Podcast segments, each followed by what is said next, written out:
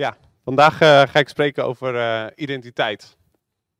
Het is eigenlijk zo'n complex, maar toch eigenlijk weer zo'n simpel onderwerp.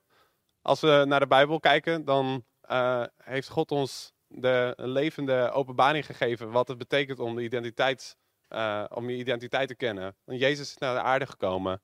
Hij is het ultieme voorbeeld van wat, hoe identiteit eruit ziet.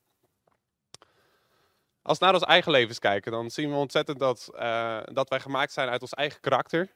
Eh, maar dat er, dat er ook een stuk cultuur bij, eh, bij zit. Van de cultuur waarin je bent opgevoed draagt ontzettend veel bij bij wie jij bent. De familie waar je in bent gegroeid. de school waar je naartoe gaat. De leraren die je soms straf geven of die je huiswerk meegeven. Maar ook de vrienden die om je heen staan. Hebben invloed op jou, op wie jij bent. Zelfs het land waarin je opgroeit heeft invloed op wie jij bent. Zelfs degene die bij jou misschien naast, in de, naast je in de bus zit, heeft invloed op jou, op wie jij bent.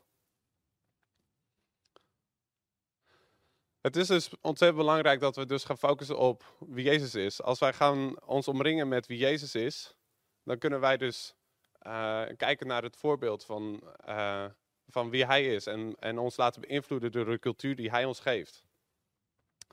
Eh, zoals Johan net al zei, eh, heb ik afgelopen twee jaar in Amerika gezeten. Eh, daar heb ik een bijbelschool gevolgd.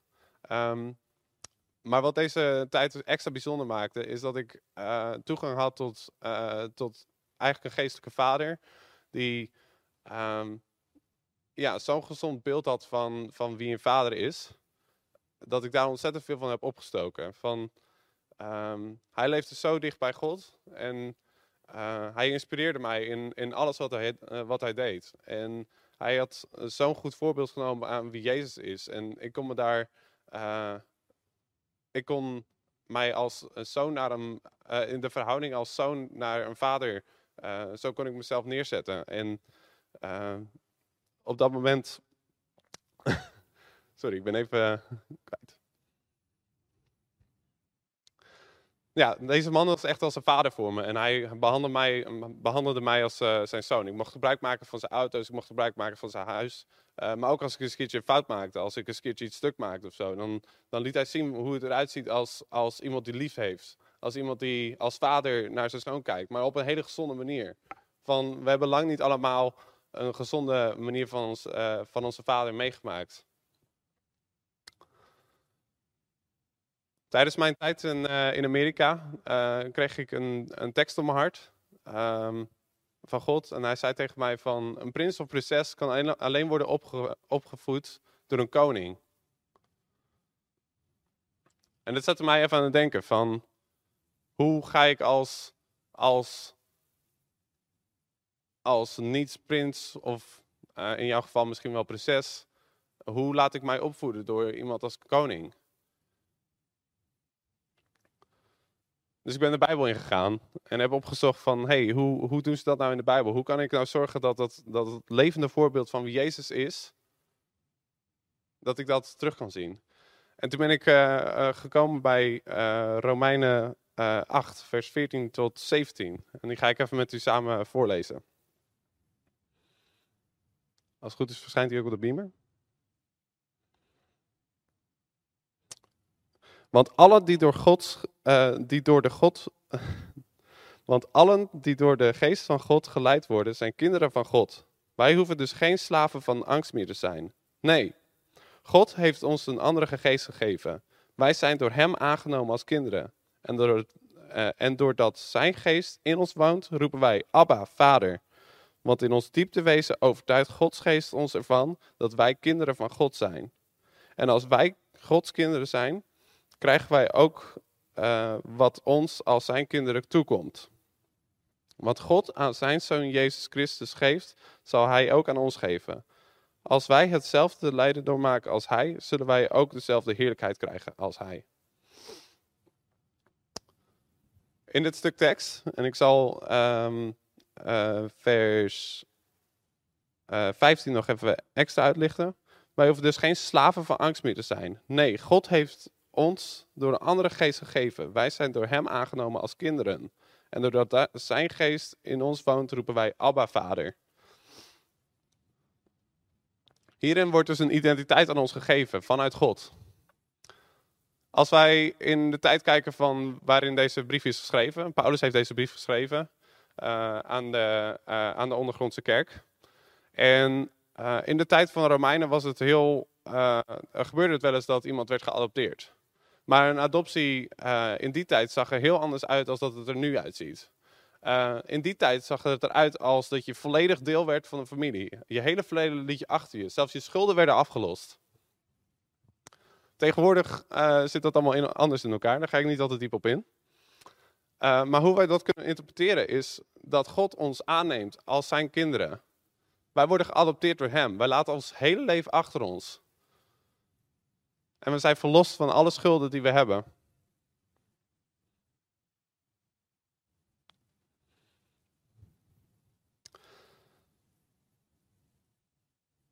Wij zijn in staat om om te kunnen zeggen, Abba Vader. Hij is echt als een vader voor ons. We zijn volledig uh, samen, uh, samen geworden met zijn familie. We hebben eigenlijk als het ware dezelfde achternaam, God en ik. Zoals je dat misschien in je eigen zin hebt. Dat je, ik heet Peter de Klerk van de achternaam, mijn vader heet ook de Klerk. Maar ja, komt er iemand anders mijn gezin binnen, dan krijgt hij niet meteen mijn achternaam. Maar ja, door deze, door deze adoptie kan dat dus wel. Je bent dus echt een kind van God. Maar wie is God? Want eigenlijk moeten we Hem kennen om te weten van wie wij ook zijn. Hij is degene die ons geschapen heeft. Al voor de grondlegging de aarde heeft Hij jou geschapen. En heeft Hij een idee bedacht van, hey, ik heb jou perfect geschapen en ik ga jou gebruiken voor dit doel. Maar wie is deze vader? Ik heb uh, in de Bijbel opgezocht wat verschillende benamingen voor, uh, voor God zijn. Uh, een van deze benamingen is een rots hoe ik God zelf heb ervaren in mijn leven als rots, is dat hij achter mij staat. Hij is altijd een verdiening geweest. Van op het moment als ik iets opbouw, als ik uh, bezig ben met persoonlijke ontwikkeling, dan, dan, dan ga ik een pad op. En dan merk ik van, oh ja, maar ik, ik val toch. En uh, preken bijvoorbeeld, wat ik nu aan het doen ben. Van, ik ben nu een pad opgegaan en ik maak af en toe fouten. Maar ik weet dat hij achter mij staat. En dat op het moment als ik een fout maak, dat niet erg is. Fouten maken gebeurt. hij is dus als een rots voor mij. En, en ik merk dat op het moment als ik een fout maak, dat hij mij weer aanmoedigt van, hey Peter, ga weer verder. God is ook een meester voor mij. Hij, laat, uh, hij is eigenlijk altijd bezig met mij om, om mij te laten groeien. Hij brengt mij in situaties die soms een beetje oncomfortabel zijn. En in deze situaties uh, kom ik erachter van, hé, hey, maar wat betekent het nou om, om Jezus te volgen? En wat betekent het nou om deze stap te zetten en deze, deze ontwikkelingen groei te maken? God is ook een voorziener. Tijdens mijn tijd in BSM had ik lang niet altijd mijn geld bij elkaar. En dit is een hele praktische uh, kant van God, waarin hij ook soms gewoon voorzieningen geeft. Ik heb vele malen keren gezien bij klasgenoten, maar ook bij mezelf, dat er spontane donaties kwamen van, om, om mij te sponsoren voor, voor mijn opleiding. En dat soms wel in de duizend euro's aan toe. En ik denk van, huh, maar waar komt dat vandaan?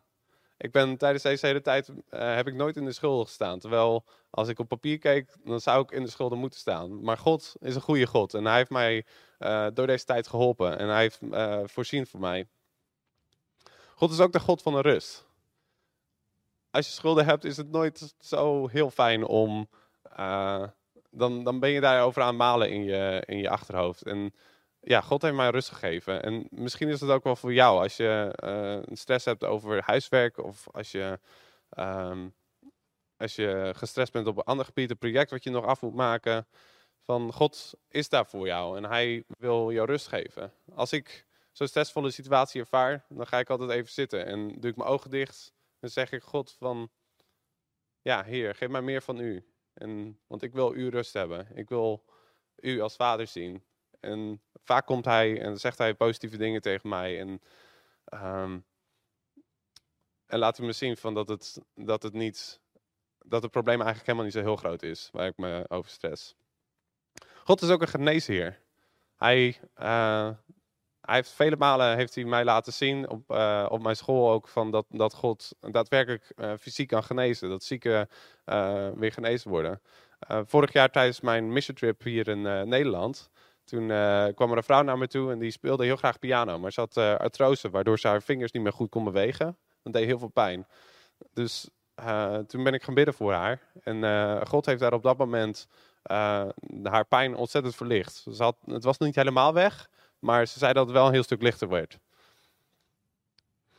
God is ook een herder en een schild. Ik weet dat hij me beschermt.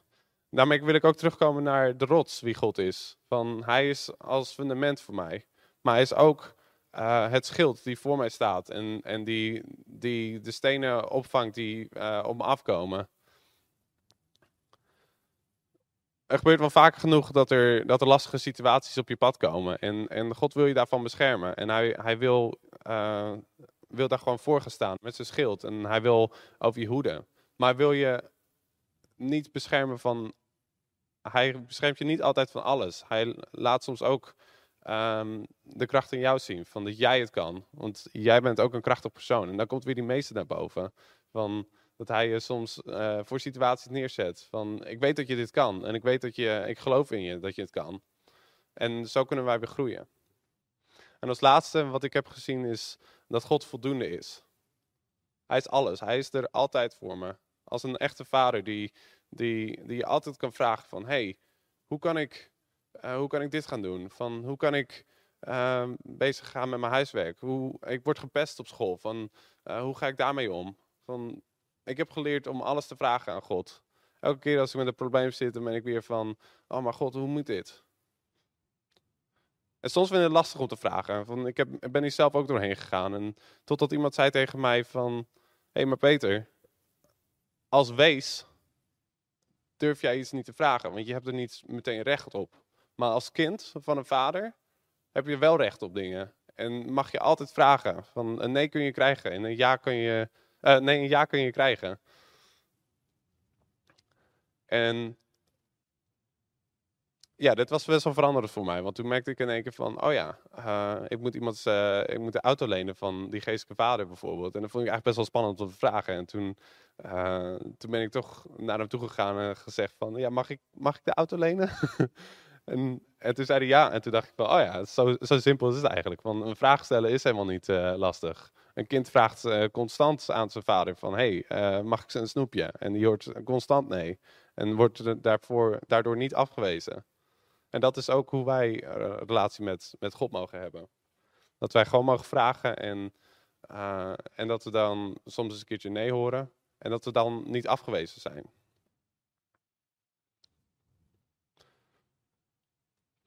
Dus ik heb net een heel stuk karakter van uh, beschreven van wie God is. Ik kan niet zijn volledige identiteit aan jou meegeven. Dus ik wil je echt uitdagen om gewoon de Bijbel in te gaan en uh, te kijken wie Jezus is, om zo te leren wie God ook weer is en wie jij dan weer bent.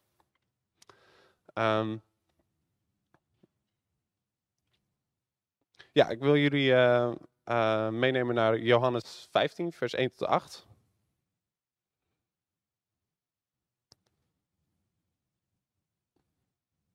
Dit gaat over de wijnrank en de, en de stokken.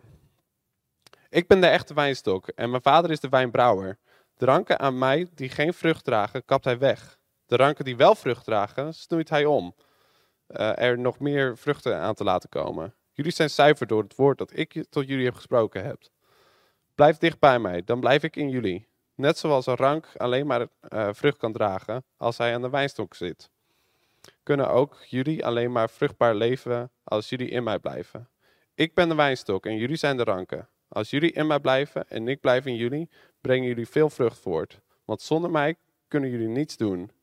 Wie niet in mij blijft, wordt weggegooid als een waardeloze rank en zal.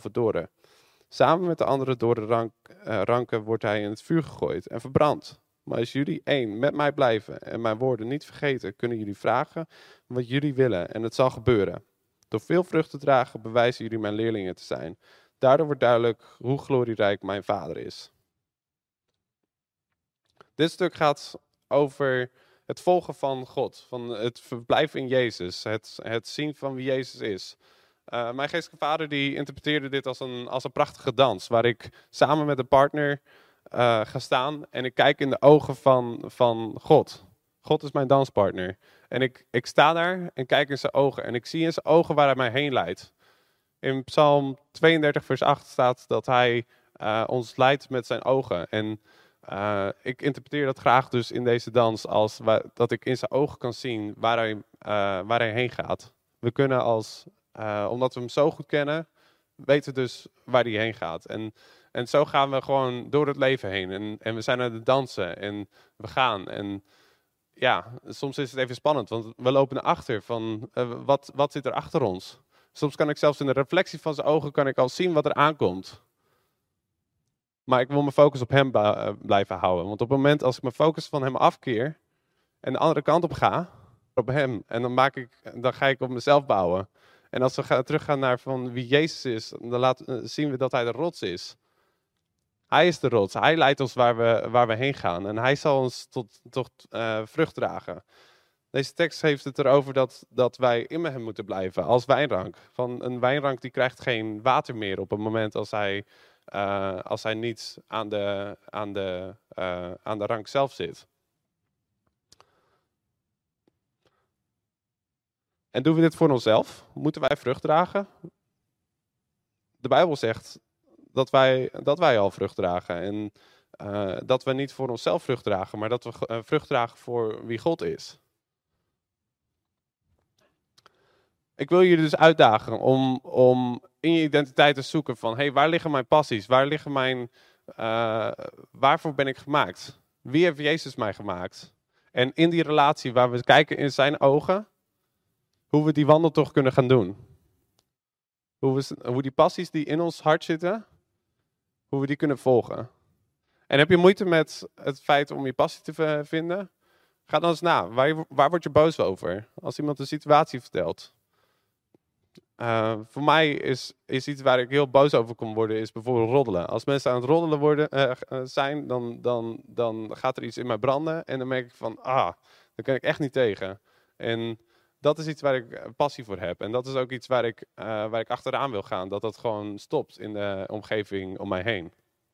En dat is dus hoe ik die, die reis samen met, met God doe. Van ik, ik zie in de reis samen met hem, zie ik dat ik dat ik samen met die passie een, een, een weg ga die ik, uh, die ik kan gaan wandelen. En dat, dat dat helemaal goed is. Als we naar David kijken in, in 2 Samuel 6 vers 14, dan zien we dat hij in zijn ondergoed aan het dansen is. Niets is hem aan het afleiden van, van de relatie die hij heeft met God. Hij is in volledige aanbidding naar God toe. Hij, uh, er staan allemaal mensen om hem heen staan hem uit te lachen. Want wie gaat er nou in zijn onder, uh, ondergoed dansen op de straat? En, maar David deed het gewoon, omdat hij wist wat zijn identiteit was.